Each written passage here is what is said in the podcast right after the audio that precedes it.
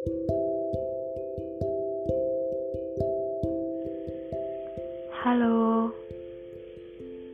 Zah.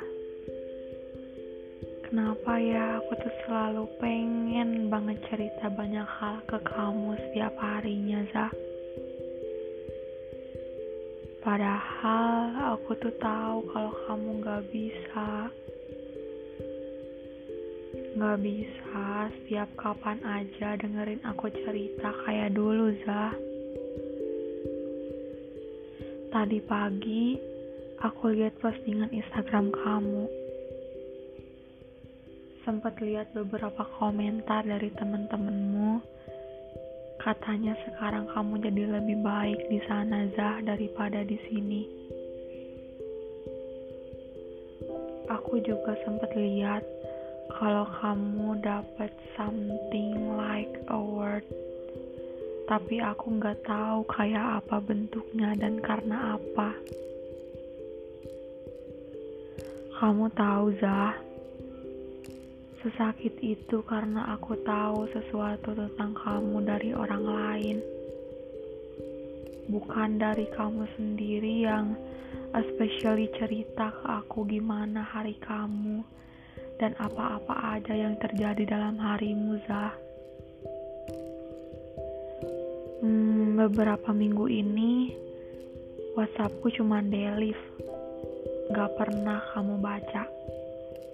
Mungkin kamu lupa, atau kamu sibuk di sana. Tapi jujur deh, Zah.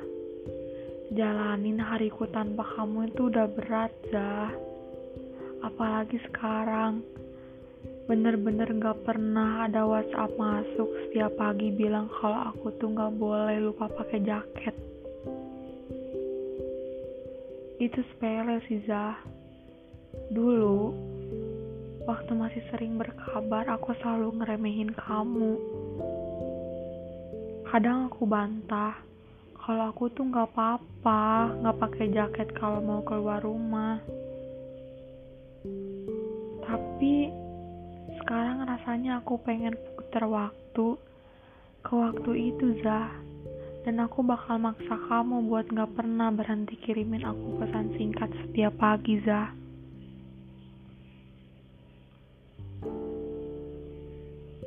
Kamu percaya kan, Zah? Kalau hubungan jarak jauh itu gak ada yang enak.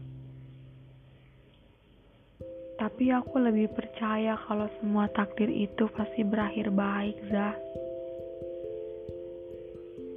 Dulu, waktu aku masih jadi maba di UI, Zah, kamu yang ospek aku, kamu yang marah-marahin aku, dan kamu tuh yang selalu gangguin aku, Zah. Gak pernah nyerah kamu buat gangguin aku. Sampai akhirnya pada suatu hari aku nangis, Zah saat itu kamu berhenti gangguin aku. Dan aku tuh bener-bener ngerasa kehilangan kamu Zah saat itu. Karena satu-satunya kakak tingkat yang gangguin aku sekaligus bimbing aku tuh cuma kamu Zah Ingat waktu itu sampai aku tuh cari-cari kamu ke kakak ospek yang lain. Tapi aku malah dimarahin Zah karena ternyata saat itu kamu udah ada yang punya kayak ngerti kan kamu gimana rasanya jadi aku saat itu Zah? Seorang maba yang ngarepin kakak tingkatnya tapi kakak tingkatnya tuh udah punya pacar. Itu tuh udah kayak sinetron banget gak sih Zah? Terus sampai akhirnya hari ospek terakhir kamu minta WhatsApp aku Zah. Tapi aku nolak karena ceritanya aku tuh sakit hati jadi korban ghosting kakak tingkat. Tapi saat itu juga kita bertukar kabar dan aku tahu kalau ternyata kamu gak punya pacar. Kakak tingkat itu bohong karena cuma gak mau kamu jadi milik aku, Zah. Terus, sampai akhirnya Zah, sekarang aku selesai kuliah, kamu udah lanjut S2 di Swiss. Kita masih bareng-bareng, Zah. Terbukti kan gimana nyatanya Tuhan ciptain takdir yang akhirnya pasti selalu jadi hal baik, Zah.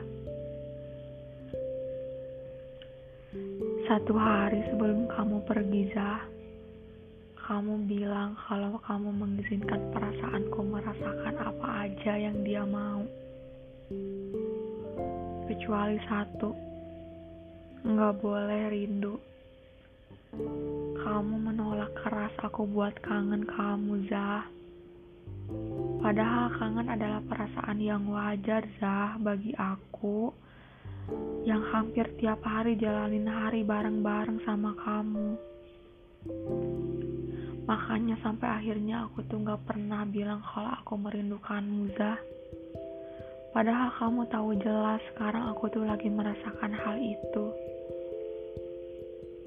Aku sampai bingung harus kuapakan Zah rasa kangenku agar sampai ke telingamu, tapi bukan lewat suaraku. Dan semenjak kita jarang berkabar, aku malah menjadi manusia yang benar-benar gak bisa baik-baik aja, Zah.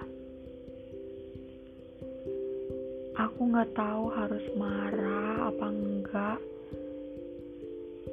saat kamu lebih menyempatkan diri memposting fotomu di Instagram daripada membalas pesan WhatsAppku, Zah kamu lebih memilih menyebarkan kabarmu lewat story Instagram daripada mengirim pesan singkat kepadaku. Meskipun cuma kata hmm, I'm okay Sya aku bingung Zah harus merespon apa. Saat sekarang aku hanya bisa tahu kabar kamu dari story-story Instagram yang kamu unggah Zah Emang sih, dulu sebelum kamu pergi, aku tuh pernah bilang kalau kamu tuh gak perlu tiap hari telepon aku. Kamu tuh gak perlu tiap menit WhatsApp aku nanyain aku udah makan apa belum.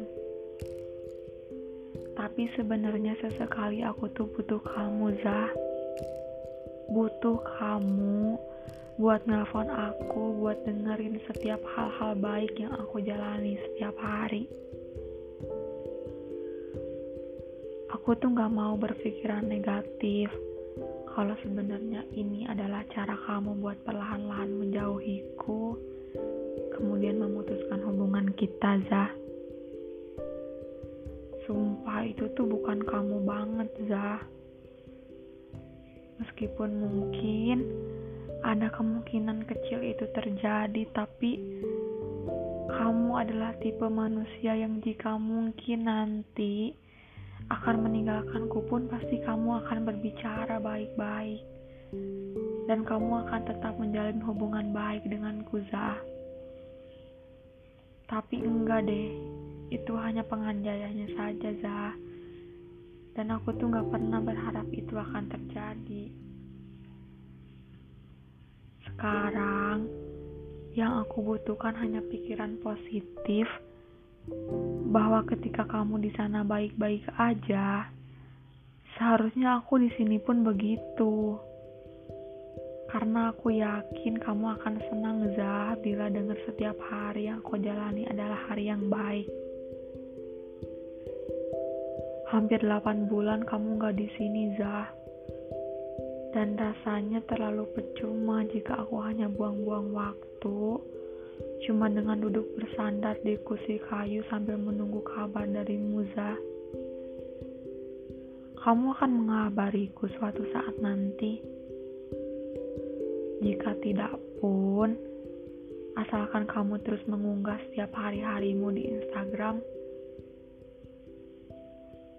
aku akan selalu baik-baik aja, Zah. Setiap foto yang kamu bagikan di Instagrammu, ku anggap sebagai perantara bahwa kamu sedang bercerita kepadaku kamu selalu menjalani hari yang menyenangkan. Dan kamu terlampau baik-baik saja di sana sampai mungkin belum sempat menelponku di sini, Zah. Jika mungkin suaraku ini sampai di telingamu, Zah Aku tidak akan bilang kalau aku merindukanmu. Aku hanya mau bilang bahwa hari ini adalah hari yang berat. Dan kamu, ku anggap berusaha meringankannya dengan postingan terbaru fotomu di Instagram tadi pagi, Zah. Makasih ya, Zah. thank you